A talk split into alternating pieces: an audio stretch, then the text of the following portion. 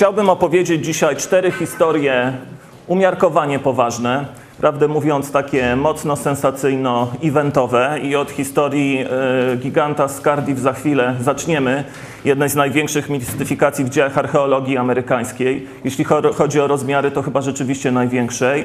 E, potem kilka podobnych historii. No i jeśli zdążymy, a na tym by mi zależało najbardziej, chciałbym przedstawić wyniki najnowszych badań w wykopaliskach na terenie Turcji, gdzie znaleziono najstarszą świątynię świata, gdzie prawdopodobnie zaczęła się historia naszej cywilizacji. Mówię o osiadłym trybie życia i o takiej cywilizacji, jaką prowadzimy, jaką mamy dzisiaj.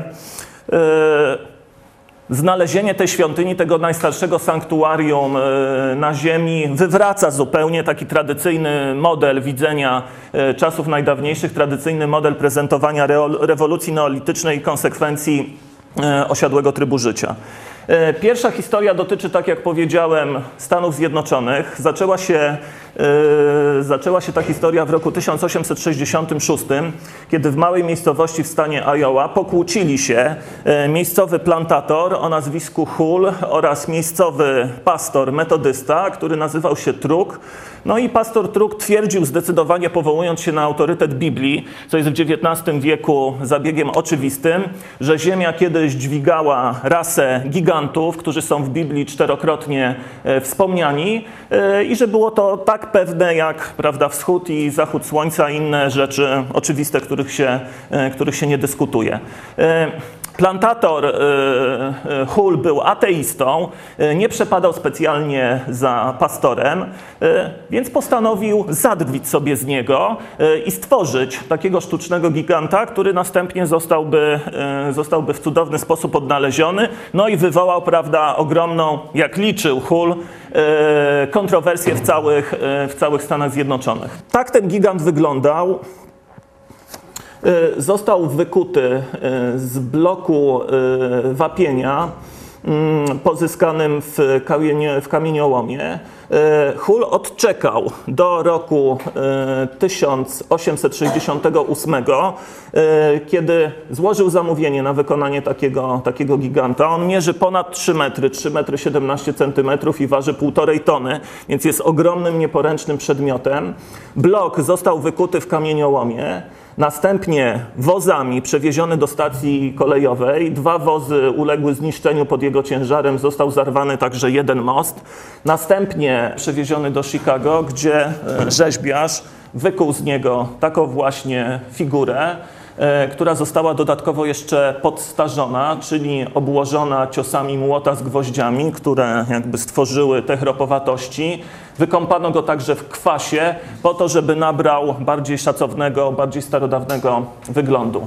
Następnie w okutej skrzyni załadowano to z powrotem do pociągu i przewieziono na farmę niedaleko miejscowości Syracuse e, w stanie Nowy Jork, gdzie mieszkał krewny Hula i na jego farmie bez specjalnych ceremonii został gigant pochowany, e, zakopany w ziemi. Ten krewniak został wtajemniczony przez Hula w całe, w całe przedsięwzięcie i rok po pochowaniu giganta kazał dwóm najętym robotnikom wykopać studnię w jednej z części swojej farmy. No jak się łatwo domyślić, ci robotnicy niczego się nie spodziewając, po dosyć krótkim kopaniu natrafili na kamienną nogę człowieka, przerażeni przybiegli do właściciela e, farmy, e, meldując o swoim znalezisku. E, gigant został wykopany, no i tak to mniej więcej wygląda, prawda? Można sobie wyobrazić, że takie ryciny pojawiły się w prasie w ciągu kilku dni czy tygodni po tym wydarzeniu. No i gigant stał się najpierw lokalną, a potem ogólnoamerykańską sensacją.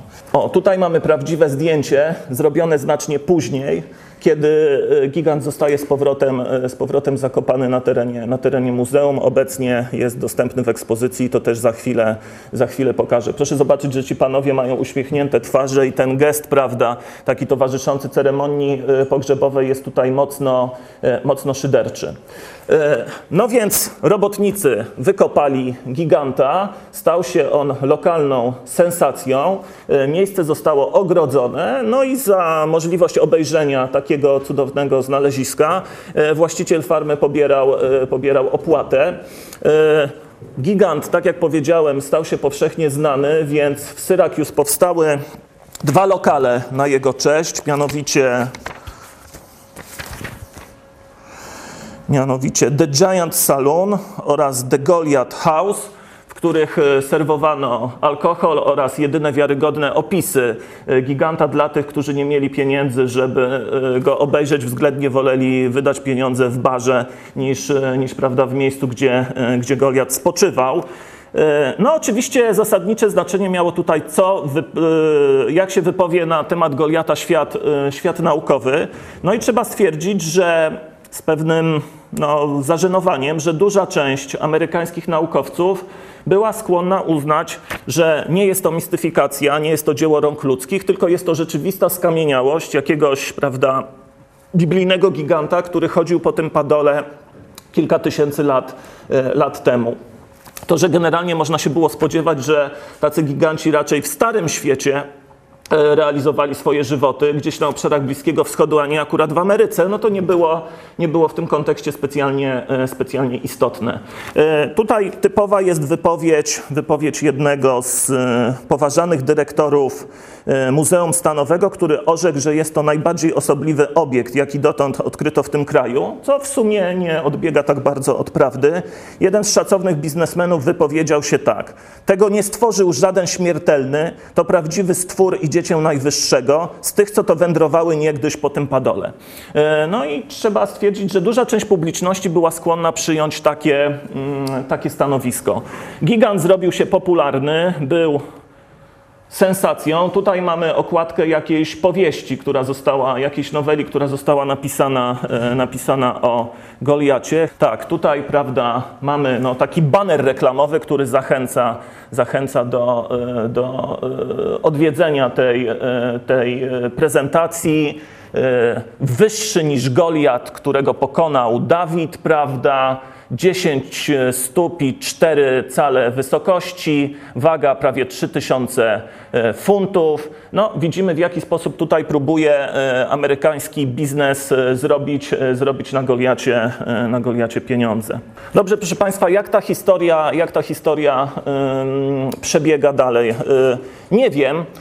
Nie, nie spotkałem się z informacjami na, tego, na temat tego, jak, jak zareagował sam pastor Turk, który musiał się zapewne czuć no, triumfalnie, kiedy jego, jego słowa znalazły, znalazły potwierdzenie.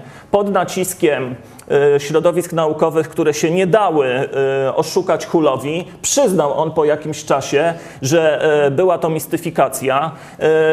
Rozwiał te wątpliwości, które prawda, krążyły po Stanach Zjednoczonych. Proponowano różne rozwiązania. Poza tym, że jest to prawdziwy skamieniały gigant, niektórzy twierdzili, że jest to zapomniany pomnik Abrahama Lincolna. Względnie, że było to jakieś straszydło, które kazali wykuć jezuici chrystianizujący Indian po to, żeby straszyć ich, prawda, szatanem, ostatecznie Hul przyznał, już nie, nie wiem po jakim okresie, kilku czy kilkunastu miesięcy, że jest to mistyfikacja, co ciekawe, wielu dalej twierdziło, że jest to autentyczny, e, autentyczny gigant. E, znalazł się również taki naukowiec, który twierdził, że jest to statua fenickiego boga Bala e, i on widzi na ramieniu inskrypcję w języku fenickim, którą jednakowoż tylko on widzi, a nikt inny nie potrafi, nie potrafi jej dostrzec. Za kilkadziesiąt tysięcy dolarów Hull sprzedał Goliata jednemu z wielkich przedsiębiorców cyrkowych, współczesnych e, amerykańskich, który prezentował go w Nowym Jorku. E, niestety konkurencja bardzo szybko zrobiła kopię czyli falsyfikat falsyfikatu tak naprawdę, e, instalując się gdzieś, gdzieś obok. No więc bardzo szybko publiczność amerykańska straciła zaufanie do Goliata i tak jak pojawił on się, tak jak meteor w roku 1869, tak dosyć szybko został, został zapomniany spoczywa, e, spoczywa w jednym z muzeów na terenie stanu, na terenie stanu Nowy Jork. Kilkakrotnie go wydobywano do kręcenia jakichś filmów czy do jakichś prezentacji o charakterze, o charakterze dokumentalnym. No więc moi drodzy, jakby to powiedzieć, taka, taka awantura, takie zamieszanie, takie koncepcje w środowiskach naukowych to się mogły chyba pojawić tylko w Stanach Zjednoczonych w drugiej połowie XIX wieku. Wydaje się, że dzisiaj świat naukowy jest bardziej odporny na tego typu rewelacje, chociaż y, no, wciąż mamy, wciąż mamy tego, tego bardzo dużo. Że giganci dalej zachowują swoją popularność, to możemy To możemy zobaczyć na podstawie na przykład takich e, podrobionych e, zdjęć, które znajdują się w internecie z rzekomych wykopalisk, utajnionych oczywiście przez mainstreamowych naukowców, którzy nie chcą ujawnić e, prawdy. No i tutaj mamy wykopaliska takiego właśnie, takiego właśnie giganta. Całkiem, całkiem elegancki fotomontaż, jak pragnę wierzyć. Y, których mamy, y, których mamy w, internecie, w internecie masę. Także na biblijnych gigantach wciąż niektórzy próbują, y, próbują tutaj jakiś kapitał, czy to naukowy, czy, czy, prawda, czy religijny, czy jakiś inny zbijać. Dobrze, to by było tyle, jeśli chodzi, o tę, jeśli chodzi o tę sprawę. Druga historia jest związana z Arką Noego i ze strukturami geologicznymi, które według e, naukowców amatorów głównie są świadectwem po arce, którą opisuje Biblia. E, znajdujemy się na terenie Turcji, prawdopodobnie w wielkim korycie jakiejś wyschniętej, ogromnej rzeki. Proszę zobaczyć, że tutaj widać dwie takie struktury prawda, wyższe, jakieś wzgórza albo płaskowzgórza, a tutaj, prawda, jakąś strukturę powstałą prawdopodobnie w wyniku nanoszenia wielkiego, wielkiej ilości ziemi i mułu. Po II wojnie światowej, w wyniku intensywnych opadów oraz trzęsienia ziemi, odsłoniła się taka owalna struktura, e, którą sfotografował turecki, e, turecki pilot, chyba w 50 w 1959 roku w ramach jakichś pomiarów kartograficznych z wykorzystaniem, z wykorzystaniem lotnictwa.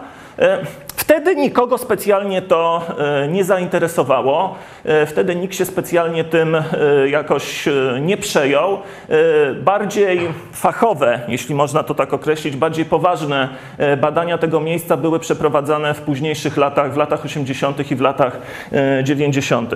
To jest z perspektywy człowieka, prawda? Czyli widać, że to jest struktura kamienna, która ma około 200 metrów długości i kilkadziesiąt metrów szerokości no, jakby te skały dookoła, prawda, są, te grzebienie skalne są dosyć wyraźnie zaznaczone. Środek jest wypełniony, środek jest wypełniony materiałem, materiałem skalnym, ziemią. E, no i obiektem zainteresowali się, e, zainteresowali się również głównie historycy amatorzy, e, prowadząc badania wykopaliskowe na tym terenie oraz, oraz pomiary dokładne, dokładne tego, tego miejsca narzuca się podobieństwo, podobieństwo do Arki y, Noego, do biblijnej Arki Noego. Tutaj mamy jedną z rekonstrukcji, no, wzorującą się głów, y, jakby ściśle na opisach biblijnych. Widzimy, że tak z punktu widzenia dzielności morskiej, prawda, czy warunków morskich, taki tępy przód nie jest specjalnie opływowy i niespecjalnie wydaje się pasować do, do przeznaczenia e, arki, no ale to jest jakaś rekonstrukcja oparta na źródłach e, biblijnych albo na tym sumeryjskim prototypie mitu biblijnego o arce, który zawiera, e, zawiera epos o, o Gilgameszu.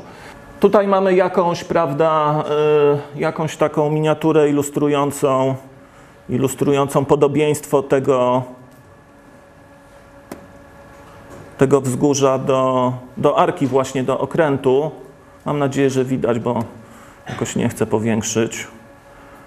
Jeszcze może z jeden obrazek. Tutaj jest jeszcze fajne zdjęcie jednego z ludzi wierzących, że to jest skamieniała pozostałość biblijnej arki. E, no i tak, prowadzono wykopaliska, mm, wykopaliska w tym miejscu. E, one niczego tak naprawdę, niczego tak naprawdę nie, nie stwierdziły. E, według e, naukowców profesjonalnych, którzy zajęli się opisami tych wykopalisk, nie znaleziono tutaj niczego, co byłoby wytworzone ludzką ręką.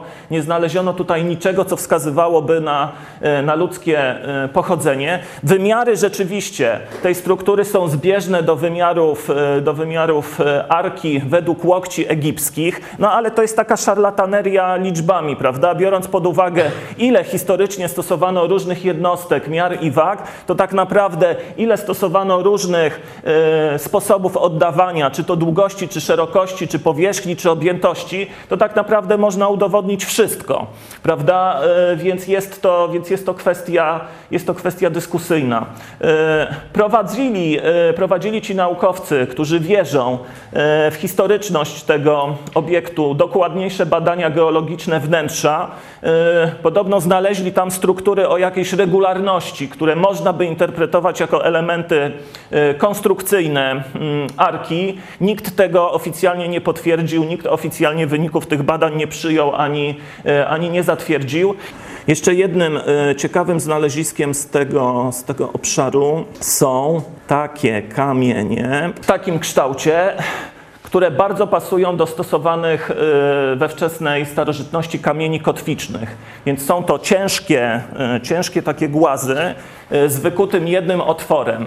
Jak się zakłada na sznur, prawda? No raczej nie na łańcuch, tylko na sznur. Czasem mają jeszcze dwa otwory na dole, w które były wetchnięte, zaostrzone pnie, pozwalające jakby dać tej kotwicy e, jakiś punkt zaczepienia, bo tak to ona działa tylko poprzez swój e, ciężar. E, W okolicy miejsca, gdzie znajduje się ta, e, gdzie znajduje się ta struktura skalna, znaleziono kilka takich kamieni.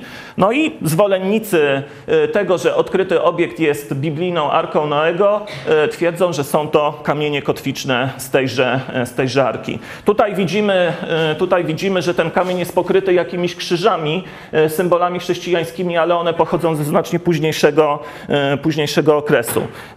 Świat jakby oficjalnej nauki twierdzi, że te kamienie nie mają nic wspólnego z morzem, że są takimi obiektami kultowymi miejscowej, miejscowej ludności kurdyjskiej albo, albo ormiańskiej. E, Poza tym, zgodnie z tym, co wiadomo, arka powinna przypłynąć z terenów Mezopotamii.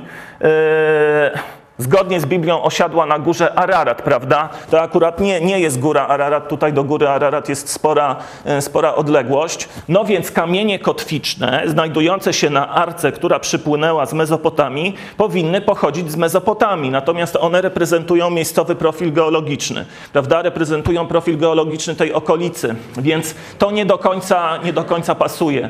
E, Tę teorię należy, należy potraktować no, e, w sposób krytyczny i świat naukowy ją odrzuca. No chociaż oczywiście nie można ze stuprocentową pewnością powiedzieć, że nigdy nie było Arki Noego, prawda? E, I że być może nie istnieją gdzieś jej szczątki. Tutaj zjeżdżamy jakby z kwestii nauki w kwestię wiary trochę. E, Niemniej raczej nie było, e, raczej nie jest ten obiekt pozostałością, pozostałością historycznej Arki, jeśli ona w ogóle istniała, jeśli miała takie wymiary, jak przekazują źródła pisane na przykład Biblia, właśnie jeśli to nie ma innego symbolicznego znaczenia, które, e, które e, nie powinno być podstawą do, do jakichś poszukiwań w materialnym, w realnym, w realnym świecie.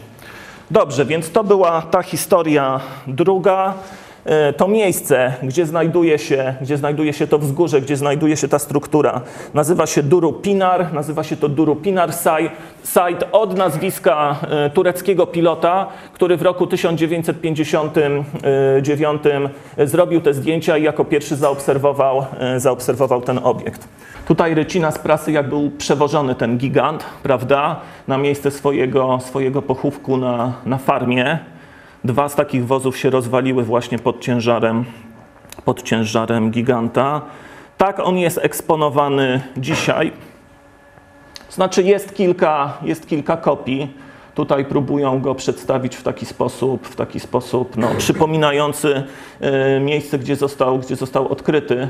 Widać, że nogi zostały, zostały utrącone w czasie tych różnych peregrynacji, jakie stały się udziałem giganta, bo on się sporo napodróżował po Stanach Zjednoczonych, kiedy można było e, pokazywać go, pokazywać go za pieniądze. To jest chyba to samo miejsce, tylko pod innym kątem, prawda? Tutaj jest zrekonstruowany ten afisz reklamowy, który Wam pokazywałem na materiale, e, na materiale archiwalnym.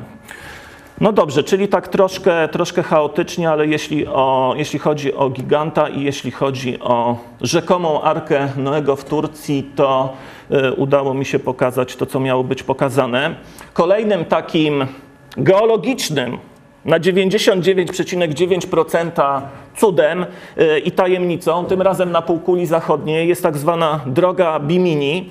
Y, kamienna struktura znajdująca się niedaleko, niedaleko od wysp w archipelagu Bahamów, y, niezbyt, w niezbyt dużej odległości od, od półwyspu Floryda. Więc to jest nasza, to jest nasza kolejna historia tutaj do pokazania. Może najpierw na mapie sobie obejrzymy, obejrzymy to miejsce. Więc tutaj, tutaj mamy Florydę, prawda, Kubę yy, i tutaj, znajduje się, yy, tutaj znajdują się wyspy Bimini, które są, yy, które są częścią archipelagu Bahamów niedaleko Trójkąt Bermudzki, więc miejsce ma dodatkowe takie konotacje, prawda, e, mocno, mocno sensacyjne i tajemnicze. Tak to wygląda. Część jest e, ułożona z takich wielkich kamieni o wymiarach kilka na kilka metrów, dosyć szczelnie do siebie dopasowanych. Oczywiście jakby ruch wody w morzu, fal morskich spowodował erozję i wyokrąglenie tych, e, tych kamieni. No tutaj widać szczególnie taki porządny kawałek w którego w skład wchodzą takie płyty skalne o wadze, e, o wadze wielu, wielu ton.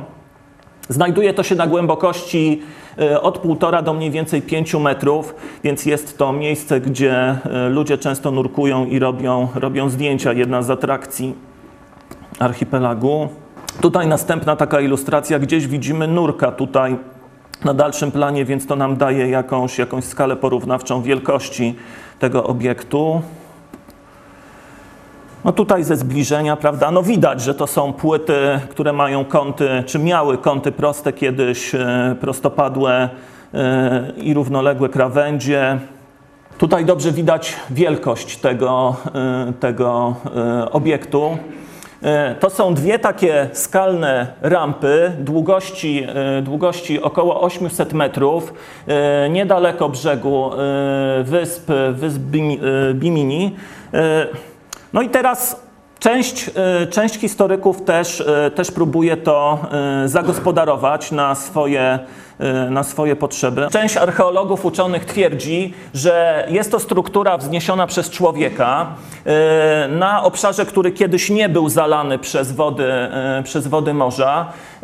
Bardzo dokładnie przebadał to jeden z amerykańskich naukowców, który przy bardzo porządnym naukowym warsztacie i bardzo drobiazgowo oprowadzonych pomiarach doszedł do wniosku, że jest to pozostałość Atlantydy, a obiekt liczy dwadzieścia kilka tysięcy lat. No więc jak się łatwo domyślić, świat naukowy podszedł do takiej rewelacji yy, tutaj yy, no, w sposób dosyć, dosyć krytyczny. Mnie bardziej interesuje inna teoria, którą wysnuł Gavin Menzies, brytyjski naukowiec amator, E, były dowódca okrętu podwodnego, który zasłynął w świecie kilkanaście lat temu książkami o chińskich e, odkryciach w epoce przedkolumbijskiej. E, jedną z jego książek jest rok 1421, rok, w którym Chińczycy odkryli Amerykę i opłynęli świat. No to jest książka, po której przeczytaniu ma się taki dosyć przygnębiający nastrój, że Chińczycy w 1421 roku i w następnych opłynęli wszystko, odkryli wszystko, prawda, opisali bieguny, wszystkie kontynenty i w zasadzie nic już więcej nie było do odkrycia, tylko nikt w Europie jakoś o tym nie słyszał. To jest, e, to jest ten podstawowy kłopot. Świat naukowy strasznie zjechał tę książkę, wykazując całą masę jakby sprzeczności, błędnych teorii. No mnie to interesuje bardziej jako prawda, piśmiennictwo historyczne i próba stworzenia jakiejś oryginalnej, błyskotliwej teorii, już nie wchodząc w kwestię jej prawdopodobieństwa. Gavin Menzies twierdzi, Menzies twierdzi, że droga Bimini e, to jest pozostałość po takich rampach naprawczych, które wznieśli chińscy marynarze po to, żeby swoje wielkie okręty wyciągnąć na brzeg e, i poddać jakimś remontom w czasie wyprawy dookoła świata, która miała się odbyć w latach 20. XV wieku. Nie pokazałem jeszcze, jak ta droga Bimini wygląda w całości. O, tutaj jest Tutaj jest taki szkic pokazujący, pokazujący co zostało. Duża część, duża część została zniszczona. Zabrano część tych kamieni na budowę falochronu w Miami. Yy, no i tak mamy jedną taką strukturę największą z takim tutaj dziwnym zagłębieniem, no wypisz, wymaluj na kil okrętu, prawda, który jest, który jest wciągany. Yy, I tutaj podobna. Ta dolna całkowicie, całkowicie zniszczona, nie, nie, do, nie do zaobserwowania. Natomiast tutaj ta struktura y, też jakby wydaje się sugerować, że mogła służyć do przeciągania, przeciągania okrętów. Tutaj widzimy ten sam obraz, prawda? Dwie te rampy. Jedna tutaj z taką, jakby to powiedzieć, półkolistą strukturą. Y, ówczesny, ówczesny brzeg brzeg, e, tutaj linia, linia brzegowa, czyli wyspa sięgała, sięgała dotąd i tutaj na tej płyciźnie miały być te okręty wyciągane w celu naprawy. Po naprawie popłynęły dalej z prądami w stronę Ameryki e, Północnej, by następnie wykorzystać wiatry i prądy w celu zawrócenia, e, zawrócenia w, kierunku, w kierunku południowym. Tak to sobie autor tej książki wyobraża. To, co mnie zaintrygowało w tej historii, no bo tak jak powiedziałem, świat naukowy, jakby główny strumień nauki odrzucił całkowicie tę teorię. Jest możliwe, że Chińczycy dopłynęli do, e, do Ameryki, ale nie przez Atlantyk, tylko przez Pacyfik od drugiej strony. To leżało prawdopodobnie w technicznych możliwościach marynarki chińskiej e, w średniowieczu. Za chwilę zresztą zobaczymy, zobaczymy, jakimi narzędziami się ta marynarka posługiwała. To, co mnie tutaj szczególnie interesuje, to są te chińskie okręty. Yy, nie miałem świadomości istnienia, yy, istnienia takich okrętów w XV wieku i tutaj właśnie byłoby fajnie sobie to jeszcze zobaczyć.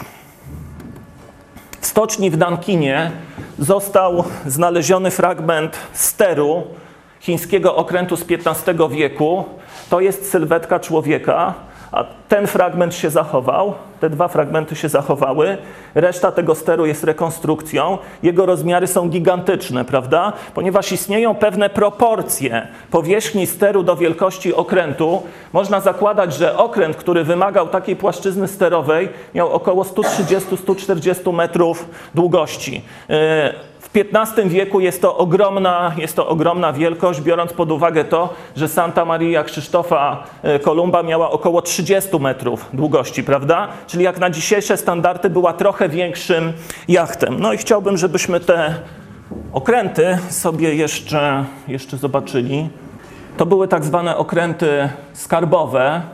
Yy, według najbardziej optymistycznych szacunków mogły liczyć od 100 do 140 metrów i około 50 metrów szerokości. Były bardzo szerokie, więc musiały mieć e, w sobie dużo balastu kamiennego, by wytrzymać e, duże fale atlantyckie. 7 e, do 9 masztów, specjalny rodzaj ożaglowania. Załogę takiego okrętu mogło stanowić nawet półtora tysiąca ludzi. No więc jakby w rzeczywistości XV czy nawet XVI wieku są te okręty gigantycznymi konstrukcjami. Część historyków i specjalistów twierdzi, że niemożliwe było budowanie tak wielkich okrętów drewnianych. W XIX wieku największe zachodnie okręty drewniane, jakie budowano, miały około 100 metrów. E, były wzmacniane stalowymi elementami i już e, w burzach i sztormach e, odnosiły szereg awarii i już były jakby niepewnym środkiem, środkiem transportu. Więc jest no, mało prawdopodobne, żeby, żeby Chińczykom udało się kilkaset lat wcześniej konstruować tak wielkie okręty, ale nawet jeśli one miały 60 czy 70 metrów, to były i tak kilkakrotnie większe od okrętów, którymi dysponował wtedy, wtedy świat zachodni. I mogły, mogły służyć do, e, do wielkich podróży o charakterze dalekomorskim. Proszę zobaczyć, tutaj, jest, tutaj są dwa modele. To jest flagowy okręt Krzysztofa Kolumba, a to jest rekonstrukcja jednego z tych statków skarbowych chińskiego admirała, który dowodził, dowodził tą wyprawą z 1421 roku, który nazywał się Zheng He. Prawda? Porównanie jest, jest uderzające. Nawet jeśli to było pół tylko tego okrętu na przykład i, nie, i był prawda, o połowę węższy, to wciąż daje to o wiele większe, o wiele większe możliwości. Wzniesienie tak, zbudowanie tak wielkiego drewnianego okrętu, który miałby pływać jeszcze w sztormach, e, no, jest jakby kwestią, e, kwestią dyskusyjną. Najlepiej byłoby zbudować prawda, taki model w skali 1 do 1 metodami stosowanymi w Chinach w XV wieku i sprawdzić, czy to się rzeczywiście udaje. No, byłoby to przedsięwzięciem dosyć, e, dosyć drogim.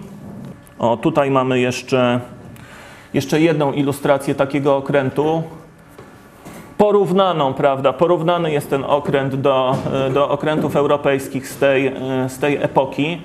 Te okręty przypominają dżonki, prawda, które do dzisiaj są użytkowane w Chinach. Chińska Republika Ludowa, która odnosi sukcesy gospodarcze, nie mogłaby pozostawić takiego elementu swojego dziedzictwa bez jakiegoś zagospodarowania, więc mamy tutaj model w skali 1 do 1, ale nie pływający, tylko osadzony na lądzie. To nie jest największy z tych okrętów, ten ma 70 metrów, około 70 metrów, więc teoretycznie mogli Chińczycy budować dwa razy większe. No i tutaj widzimy ludzi, prawda? Więc jest skala porównawcza i tutaj widzimy ten okręt. Z tym, że to jest tylko dekoracja, prawda? E, to jest tylko dekoracja dla, dla turystów w jednym, z chińskich, e, w jednym z chińskich miast. Niewykluczone, że w Nankinie, czyli tam, gdzie były historycznie te stocznie budujące, budujące takie okręty. No więc proszę Państwa, e, jeśli droga Bimini E, nie została zbudowana przez Atlantów 20 e, parę tysięcy lat temu.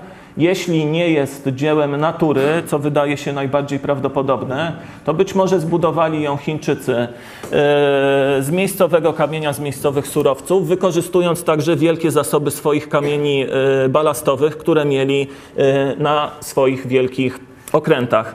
Część e, kamieni z drogi Bimini nie pochodzi z Karaibów, tylko ma strukturę chemiczną e, charakterystyczną dla, e, dla Azji Wschodniej, co mogłoby sugerować, że rzeczywiście, że rzeczywiście ta teoria ma jakiś sens. Oczywiście jest ileś tam teorii, które wyjaśniają w inny sposób, skąd się mogły takie kamienie azjatyckie wziąć na terenie, na terenie Karaibów. No dobrze, to jest, e, to jest ta e, historia właśnie związana z wyprawą, e, z chińskimi wyprawami w XV wieku. No i ten chiński ślad, jeśli tak to można określić, pojawia się także w następnej historii, którą chciałbym tutaj opowiedzieć, w historii wieży Newport, czyli w kamiennym obiekcie, który znajduje się na terenie stanu Rhode Island, nie tak daleko od Bostonu. No myślę, że to jakby identyfikacja geograficzna tutaj jest łatwa, więc mapa e, zbyteczna. Tutaj e, tak to wygląda. Jest to kamienna, e, kamienna wieża na ośmiu słupach. Pachnie romańszczyzną, prawda? Pachnie jakimś takim wczesnym średniowieczem. No i tak, budowla jest zachowana w takim kształcie, e, liczy około 30 stóp e, wysokości, ma okrągły przekrój, nie ma dachu ani żadnych podziałów wewnętrznych. Budulec jest kamienny, spojony zaprawą murarską z dodatkiem, z dodatkiem muszli. W ścianach tej budowli znajduje się kilka otworów okiennych. Są także pozostałości, pozostałości jakichś, jakichś kominków, prawda, jakichś urządzeń, e, urządzeń podgrzewających. No i skąd to się wzięło, prawda? Nie wygląda na typowy obiekt amerykańskiej e, architektury kolonialnej e, z XVII czy XVIII wieku. Pojawiło się także kilka, kilka teorii wyjaśniających, wyjaśniających pochodzenie, pochodzenie tej, tej budowli.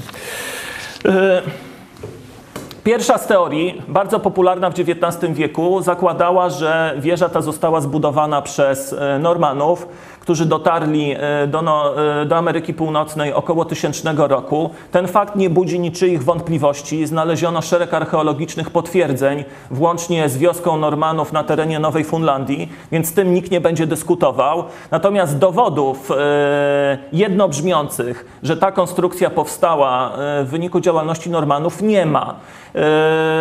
Nie znajdują się w krajach skandynawskich budowle, które przypominałyby, przypominałyby taką taką konstrukcję. Trudno powiedzieć, czym by to miało być. Latarnią morską, prawda, częścią jakiegoś obiektu, jakiegoś kościoła, jakiejś kaplicy. Yy, trudno powiedzieć, yy, jakie byłoby przeznaczenie tej budowli. No jest rzeczywiście yy, chyba w Danii, na Bornholmie, taki kościół, taka rotunda, która przypominałaby, y, przypominałaby tę konstrukcję, ale w sposób dosyć naciągany. O, jest. O, mamy tutaj kościół z takim właśnie, z taką właśnie centralną, centralną częścią tutaj okrągłą, no ale widać, że nie są te budowle specjalnie do siebie, do siebie podobne. Niemniej ta teoria, ta teoria normańska była bardzo, bardzo popularna w Stanach Zjednoczonych w XIX wieku. Niedaleko tego miejsca, również w XIX wieku, znaleziono szkielet człowieka, który miał na sobie metalową zbroję, elementy metalowej zbroi, którego okrzyknięto bardzo szybko wikingiem, który stracił tutaj życie i został, e, i został pochowany. E, jak już to mam przed oczami, e, w jednym z fragmentów zaprawy jakiś uczony dopatrzył się napisu runicznego, prawda? Napisu w alfabecie stosowanym przez, przez ludy normańskie, przez Normanów.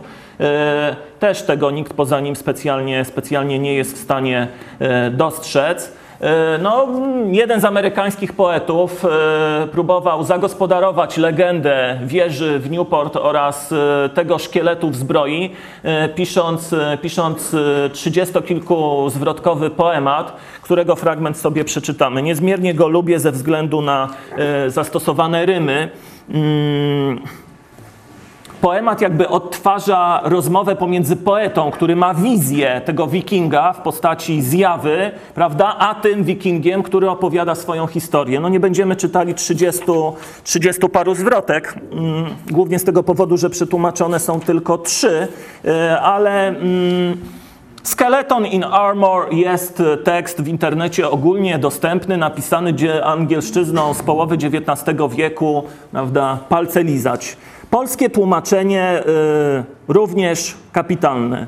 Przemówże zjawo biała, twa zbroja zardzewiała, w niej kości tkwią bez ciała, przyszedłeś straszyć mnie, w całuny niespowity, mów jaki sens ukryty, ma wzrok niesamowity, którym chcesz straszyć mnie, Wiking odpowiada: Kiedyś wikingiem byłem, daleki kraj odkryłem, mej sławy nie głosiłem, nie śpiewał o mnie skald. Posłuchaj opowieści, prawdziwe niechaj treści, wierz twój wszem wobec wieści, inaczej przeklnę cię. Treści i wieści, moim zdaniem, to jest rym stulecia tutaj.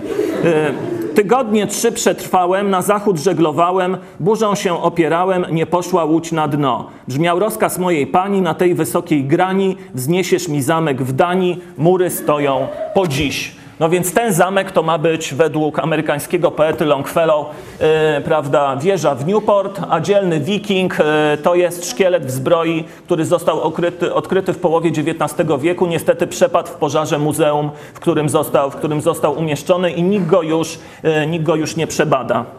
Jak już jesteśmy w okolicy, to namierzyłem tutaj jeszcze kilka e, zdjęć tego obiektu. No nic, prawda, jakiegoś fascynującego. No piramida Cheopsa to nie jest, prawda, jakaś kostropata budowla, ale pamiętajmy, że to jest Ameryka Północna, prawda, że tam budynek, który pochodzi e, z XVII wieku jest szacownym zabytkiem prawda? Co ciekawe, na przykład zabytków drewnianego budownictwa z wieku XVII czy XVIII mamy w Stanach Zjednoczonych więcej niż w Polsce na przykład, bo tam nie było tylu katastrof, tylu niszczycielskich e, wojen.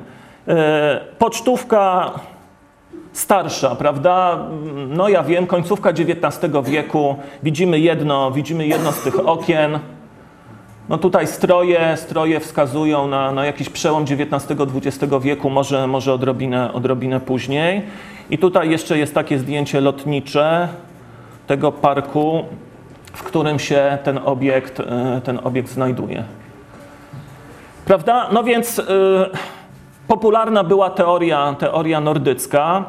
Mm, Gavin Menzies stwierdził nie mniej ni więcej, że wieża z Newport jest to kolejne potwierdzenie jego teorii o chińskich podróżach i że wieżę Newport w stanie Rhode Island zbudowali chińscy inżynierowie, miała służyć dwóm celom. Jako latarnia morska, bo ona znajduje się na podwyższeniu niedaleko brzegu morskiego, więc swoje funkcje latarni morskiej mogłaby spełniać e, bardzo dobrze.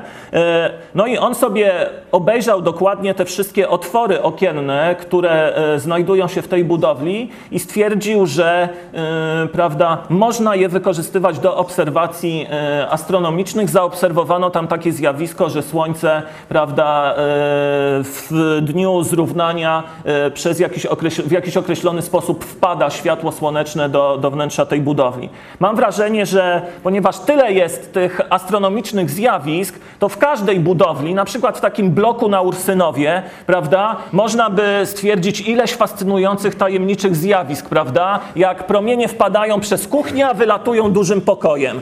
Więc na przykład w pierwszy dzień wiosny. Więc y, są to odkrycia, które zawsze, prawda, z pewną, z pewną rezerwą tutaj, e, tutaj traktuje. Albo Wielka Piramida Cheopsa, prawda? Tam wzięli naukowcy na warsztat te wymiary i okazuje się, że tam jest pół matematyki zaszyfrowane w wymiarach Wielkiej, Wielkiej Piramidy. Tylko to jest kwestia, jakie się stosuje miary, e, co się dokładnie mierzy. W ten sposób przy tak wielkiej budowli, która ma tyle różnych rozmiarów, prawda, i tyle różnych e, jakby wewnętrznych elementów, można wszystko udowodnić. Że, że prawda, starożytni Egipcjanie znali teorię względności Mo, może znali, prawda, ale czy piramida Cheopsa akurat tego dowodzi, to już jest kwestia, to już jest kwestia otwarta. No więc Gavin Menzies twierdzi, że wieżę zbudowali e, Chińczycy i że była latarnią morską. E, on twierdzi, że Chińczycy z powodu uszkodzenia swoich okrętów tam pozostawili część załóg, e, które się zlały z miejscowymi plemionami. Wież, e, latarnia morska miała ułatwić powrót ekspedycji ratunkowej, która tych pozostawionych ludzi e, zabrałaby z powrotem do Chin. Niestety wielkie dżonki nigdy nie przypłynęły e, i chińscy rozbitkowie zlali się z miejscową, e, z miejscową indiańską, indiańską ludnością.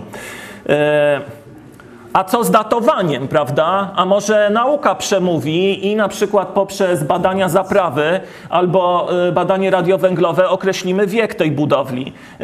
Były prowadzone takie, takie badania. Większość wskazuje na XVII, na XVII wiek. E, także mm, raczej Menzies racji tutaj nie ma. On twierdzi, że w e, chińskich budowlach dodawano do zaprawy ryżu, który lepiej wiązał i że można by udowodnić jego obecność w zaprawie murarskiej tej budowli, gdyby władze miasta zgodziły się na kolejne badania, ponieważ ta nieszczęsna wieża była już wielokrotnie wiercona, mierzona, okopywana. Yy, to radni miasta Newport uznali, że żadnych badań więcej nie będzie i należy wieży dać e, spokój. E, jeśli chodzi o główny nurt naukowy, to ogólnie przyjęta teza wiąże się z następującym obiektem,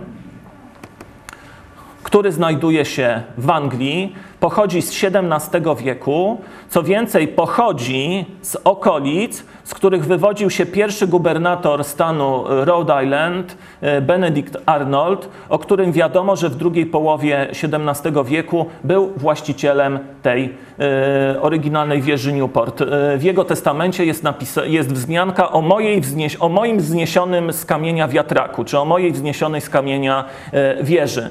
No więc biorąc pod uwagę, że w okolicy, w rejonie Anglii, z którego się wywodził Benedict Arnold, znajdują się takie wiatraki, to znaczy taki dokładnie jeden i kilka innych podobnych, biorąc pod uwagę, że yy, zaprawa z wieży Newport jest bardzo podobna do zaprawy, którą użyto w budowie grobu e, gubernatora, wszystko wskazuje na to, że to on kazał oryginalną wieżę Newport e, zbudować e, i że to on e, był jej właścicielem. Więc większość historyków e, przyjmuje, że nie Normanowie, nie Chińczycy, nie Templariusze, prawda, e, tam jest więcej jeszcze takich propozycji, tylko tylko angielski gubernator w drugiej połowie XVII wieku. Wieża jednakowoż e, budzi kontrowersje do dzisiaj co jakiś czas pojawiają się, pojawiają się nowe, nowe koncepcje. Moi drodzy, z tej historii i z tej historii o Olbrzymie w Cardiff, to, mi, to my widzimy taką ogromną potrzebę, ogromną chęć jakby... Mm, starodawno, stworzenia takiego wrażenia, że Ameryka jest krajem starodawnym, prawda? Tam się osiedlili ludzie, e, emigranci z Europy, którzy w nowym miejscu mogli się czuć tacy mocno wykorzenieni, mieli świadomość, że to jest kraj nowy, świeżo podbity i świeżo tworzony. No i wielu ludzi odczuwa taką chęć, jakby taką potrzebę postarzenia Ameryki, prawda? Pokazania, że nowy świat e, nie jest wcale nowy, że też jest stary, ponieważ w wieku XVIII czy XIX rasistowskie e, poglądy nie pozwalały jakby uznać dorobku Indian, prawda, miejscowych cywilizacji, no to tworzono teorie, które miały świadczyć o jakichś wpływach e, zewnętrznych, które miały tłumaczyć te obiekty jakąś ingerencją poza, poza amerykańską. No dobrze, i została, czyli te historie, które do tej, e, do tej pory e, opowiedziałem, to są takie hipotezy, prawda, w mniejszym lub większym stopniu e, naukowe. Teraz trzeba by opowiedzieć o, tej, o tym najstarszym sanktuarium. Aha, o jeszcze jednej rzeczy zapomniałem. Proszę Państwa, jest bardzo podobna do drogi Bimini konstrukcja u południowych wybrzeży Japonii, w okolicach Okinawy. To już potraktujemy ściśle ciekawostkowo. Tak wyglądają te struktury dosyć płytko pod powierzchnią morza, kilka metrów, tylko prądy są silne. Nazywa się to miejsce Yonaguni. No i pokażę kilka, kilka fotografii. To jest tak zwany żółw. Tutaj mamy nurka dla porównania. Proszę Państwa, tu jest zasadnicza część Japonii, prawda? Te macierzyste wyspy japońskie. E, tutaj Korea, a tutaj mamy, e, mamy właśnie w południowej Japonii, niedaleko Okinawy, e, właśnie to, to miejsce. Niektórzy nazywają to Moai z Yonaguni.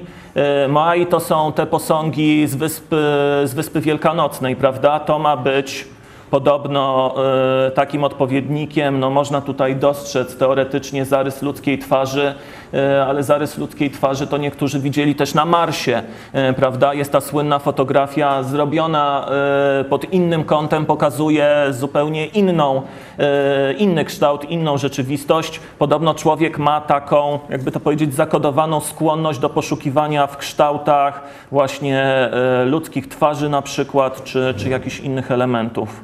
Tu jest jeszcze coś takiego, no takie proste, jakby wyciosane ściany, jakieś konstrukcje. Wygląda to jak jakiś taki stary, porzucony kamieniołom na przykład.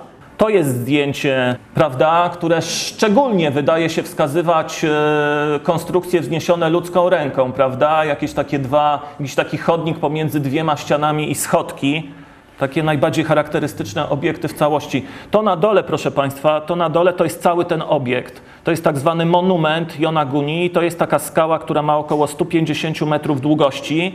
Yy, I tak to, yy, tak to wygląda jako całość, prawda? No, widać jakieś takie mm, dziwne dosyć struktury, nie przypominające specjalnie naturalnych kształtów. No więc oczywiście wszyscy miłośnicy Atlantydy używają sobie tutaj na Yonaguni ile tylko wlezie, a w zasadzie nie Atlantydy, tylko takiego azjatyckiego odpowiednika e, Atlantydy, który nazywano krainą Mu.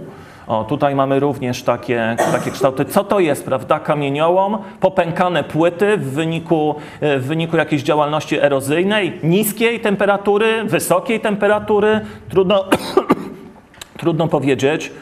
E, no i ostatni może obrazek tutaj. O, tak ta struktura, tak ta struktura ma wyglądać. E, no, prawda, droga mini wysiada przy tym. To jest, e, to jest o wiele bardziej skomplikowany obiekt. E, tereny, na których się znajduje, e, zostały zalane około 10 tysięcy lat temu, więc szacuje się, że jeśli coś tam na tej skale jest wyrzeźbione czy wyryte ręką ludzką, to powstało około 10 tysięcy lat temu. Później nie daliby ludzie rady, bo ten teren znalazł się pod powierzchnią, pod powierzchnią oceanu. Także jakby szukając informacji o drodze, o drodze Bimini natrafiłem na, na ten obiekt, więc go też tutaj, tutaj pokazałem. No dobrze, i zostaje nam, jak rozumiem, mamy. Jak rozumiem, mamy jakieś, jakieś 15 minut.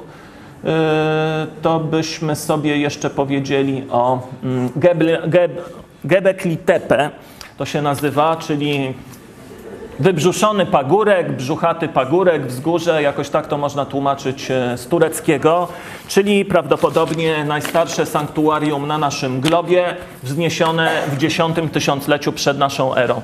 Proszę Państwa, podstawowy problem polega na tym, że nie powinno być żadnych stałych monumentalnych struktur wzniesionych przez ludzi w X tysiącleciu przed naszą erą, bo to oznacza, że zostały te monumenty zbudowane w okresie, kiedy ludzie prowadzili koczowniczy y, tryb życia, kiedy nie było jeszcze osiadłości. No to wywraca tradycyjną, y, jakby to powiedzieć, wizję najdawniejszych dziejów człowieka i obraz rewolucji neolitycznej, który jest mniej więcej taki, no sam tak uczę, prawda, na, y, na zajęciach, że najpierw Najpierw ludzie prowadzili koczowniczy tryb życia, co uniemożliwiało powstanie bardziej zaawansowanej kultury materialnej. Dopiero przejście na rolnictwo umożliwiło trwałą osiadłość i wtedy zaczęły powstawać miasta, fortyfikacje, świątynie. Wtedy rzeczywiście opłacało się inwestować w jakieś obiekty, y, które mogły być użytkowane w sposób, w sposób ciągły przez wiele lat czy nawet, czy nawet tysiącleci. Y, to sanktuarium, o którym y, za chwilę będę mówił, użytkowano prawdopodobnie przez 2000 lat lat. E, no i prawda, nagle e, po rekonesansie archeologicznym w latach 60. XX wieku tureccy i niemieccy uczeni odkopują od e, końcówki lat 80. na jednym ze wzgórz południowej Turcji, blisko granicy z Syrią, odkopują świątynię z X tysiąclecia przed naszą erą. Ci faceci, którzy ją budowali, prawda, powinni uganiać się za antylopami, yy, zbierać poziomki i robaki, prawda, a nie wznosić takie budowle, prawda. Na to powinni nie mieć czasu, możliwości technicznych, ani organizacyjnych przede wszystkim, prawda. Yy, oczekiwalibyśmy, że w dziesiątym tysiącleciu struktura społeczna y, to odpowiada mniej więcej temu, co obserwujemy pośród Indian y, południowoamerykańskich czy u, y, u wy, jakby wymierających szczepów, pigmejów na przykład w Afryce czy aborygenów w Australii. Prawda? To nie jest struktura, która pozwalałaby na realizowanie tego typu inwestycji. To jest najstarsza świątynia, która powstała jeszcze zanim ludzie się e, osiedlili i zorganizowali takie trwałe, stabilne struktury e, państwowe, prawda? Czy, czy, czy nawet plemienne. No tu już można, tu już można dyskutować. No i tak, tutaj niestety jest największe wyzwanie przede mną, jeśli chodzi o poszukiwanie tego materiału ilustracyjnego. Yy, przez jakiś czas sądzono, że jedną z najstarszych e, takich monumentalnych budowli z czasów przedhistorycznych jest New Grange w Irlandii. E, tak ta budowla wygląda. Jest to grobowiec korytarzowy, nakryty takim wielkim kopcem obudowanym kamiennymi e, ścianami. Pochodzi prawdopodobnie z 3200 roku e, przed naszą erą. Oczywiście nie zachował się w takim ładnym kształcie, tylko to, co widzimy, to jest rekonstrukcja przeprowadzona współcześnie. E, prawda? Budowlą, która również w Europie miała takie piętno starodawności, było Stonehenge. No to dobrze, dobrze znamy ten kształt, ale chciałem go pokazać ze względu na taki pierścieniowy układ. Ładnie zaorane, ładnie skoszone trawniki dookoła, jak to w Anglii, prawda? Tutaj rekonstrukcja rysunkowa, Widzimy już tutaj wyraźnie tę, e, tę, kolistą, tę kolistą strukturę i tutaj porównanie trzech takich kręgów e, znajdujących się, e, znajdujących się w Europie. Tutaj Stonehenge, prawda, tu jakieś, tu jakieś inne, też chyba, też chyba z, terenu, z terenu Anglii. Dobrze, no ale Stonehenge to jest budowla wzniesiona w trzecim tysiącleciu przed naszą erą, czyli jest młodsza od Newgrange, więc odpada jako najstarsze sanktuarium świata. No to może inna miejscowość z terenów Turcji, która nosi dźwięczną nazwę Chatal Hik i której pozostałości wyglądają, wyglądają następująco. Według niektórych historyków to było pierwsze miasto Budowla pochodzi z siódmego tysiąclecia przed naszą erą, jest kilka warstw kulturowych, no ale to już jest, e, prawda, w początkach neolitu już ci ludzie zajmują się rolnictwem, więc to, że wznoszą jakąś e, zabudowę miejską, że są osiedleni w sposób trwały, no to nikogo specjalnie nie, e, nie dziwi. Tutaj jest jedna z rekonstrukcji tego Chatalhik, takie pueblo indiańskie trochę, prawda? Nie ma ulic, budynki połączone, połączone ścianami, komunikacja odbywała się e, dachami, musieli być bardzo religijni, bo co trzeci budynek jest przeznaczony na cele kultowe i tutaj może jakieś obiekty z tym związane sobie jeszcze, jeszcze obejrzymy. Tutaj jeszcze jedna rekonstrukcja tego miejsca. No, taka bardziej monumentalna, prawda? Mogło tutaj, mogło tutaj mieszkać ponad tysiąc ludzi nawet. No i może jakieś obiekty. Na, jedny, na jednej z tynkowanych ścian znaleziono taki fresk. To jest mapa Czatalhik yy, namalowana przez jednego z jej mieszkańców. Proszę zobaczyć, tutaj są zaznaczone te domy, te pomieszczenia prawda, e, połączone ścianami. Nad e, miejscowością góruje wulkan, którego erupcję tutaj starano się nawet przedstawić. I rzeczywiście to się zgadza. Tam jest wygasły wulkan, on nie wybuchał już od bardzo długiego czasu. E, niektórzy uczeni próbują wiązać nawet opuszczenie Chatal-Hik przez jego ludność z aktywnością, z aktywnością geologiczną. No i jeśli chodzi o znaleziska, które tutaj, które tutaj odkryto, Posąg bogini matki przypominający bardzo wczesne, wcze, e, wcześniejsze posągi z, e, z paleolitu, paleolityczne Wenus. To jest tak zwana bogini z leopardami, która się wspiera, e, wspiera na właśnie dwóch leopardach. Podobno tutaj to, ten przedmiot to jest głowa dziecka, które jest wydawane, wydawane na świat. No więc widać, że kulty płodności jakby po przerzuceniu się z myślistwa e, na rolnictwo i hodowlę wcale nie zanikły. No i może jeszcze jeden taki obrazek przypominający, przypominający wcześniejszą sztukę paleolityczną.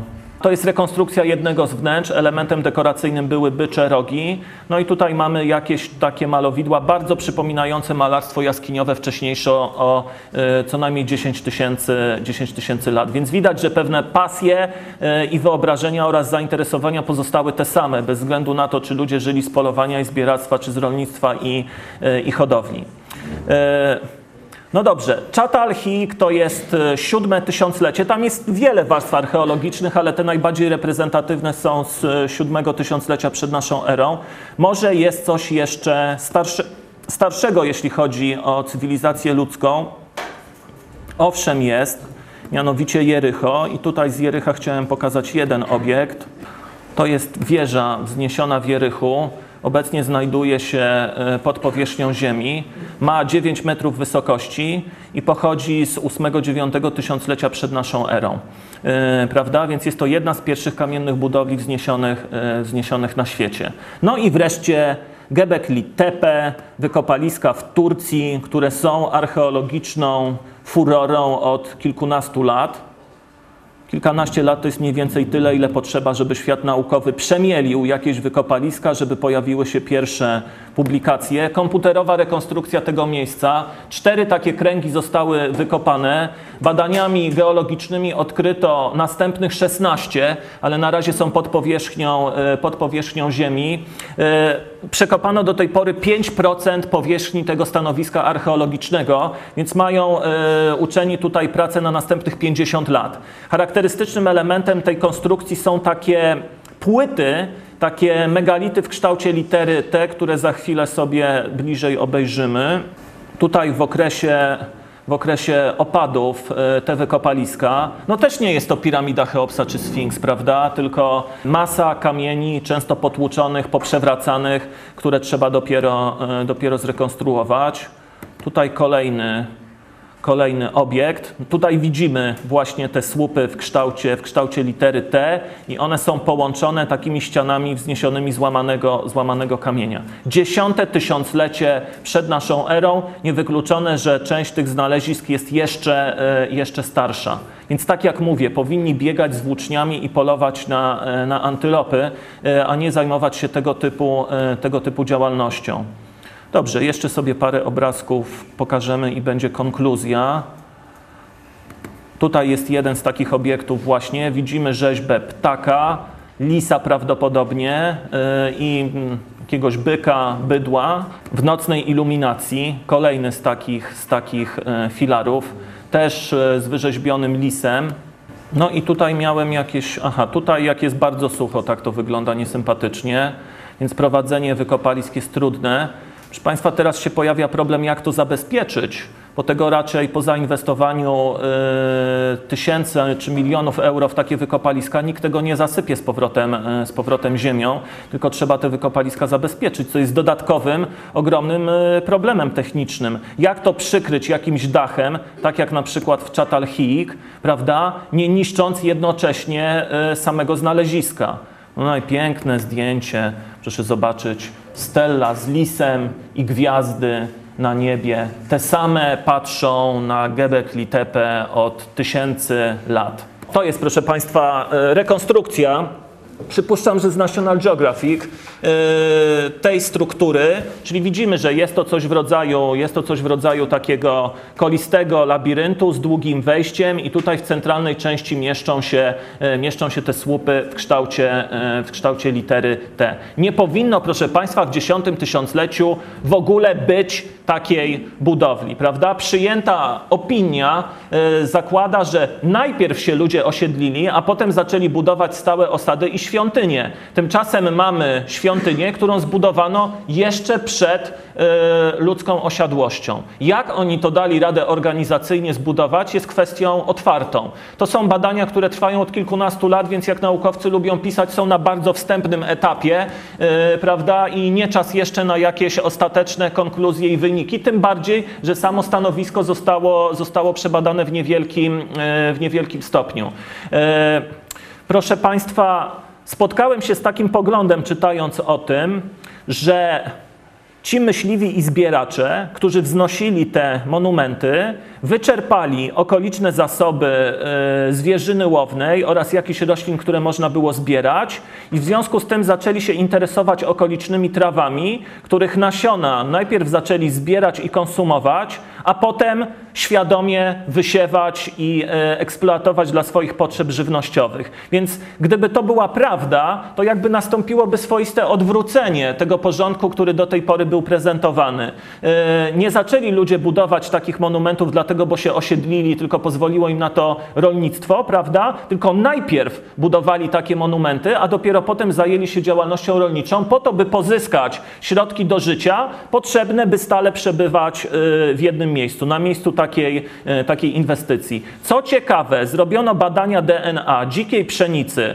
która rośnie e, na obszarach w południowej Turcji, wokół między innymi tego właśnie Göbekli Tepe i to jest pszenica, która jest najbliżej genetycznie spokrewniona z pszenicą użytkową, którą się dzisiaj e, uprawia na całym świecie na potrzeby, na potrzeby człowieka. Niewykluczone więc, że jesteśmy w miejscu, gdzie się narodziło rolnictwo, gdzie się narodziła cywilizacja, w której, e, w której żyjemy. E, Schmidt, niemiecki archeolog, który się specjalizuje w tych, w tych wykopaliskach, twierdzi, że mogło to być miejsce pielgrzymowania licznych, e, licznych osób i dzięki temu umiejętność uprawy pszenicy, która tutaj powstała, mogła się szybko rozprzestrzenić na większym, na większym obszarze. Ten zasadniczy dla rozwoju człowieka wynalazek z tego miejsca rozlał się na inne, na inne tereny zamieszkałe przez ludzi na Bliskim, na Bliskim Wschodzie. No dobrze, nie pokazałem, proszę Państwa, wszystkich, wszystkich ilustracji, ale wydaje mi się, że ogólne zarysy mniej więcej, mniej więcej ma, mamy. Mam nadzieję, mam nadzieję, że warto było poświęcić trochę ponad godzinę, żeby sobie to obejrzeć. Dziękuję bardzo i do widzenia.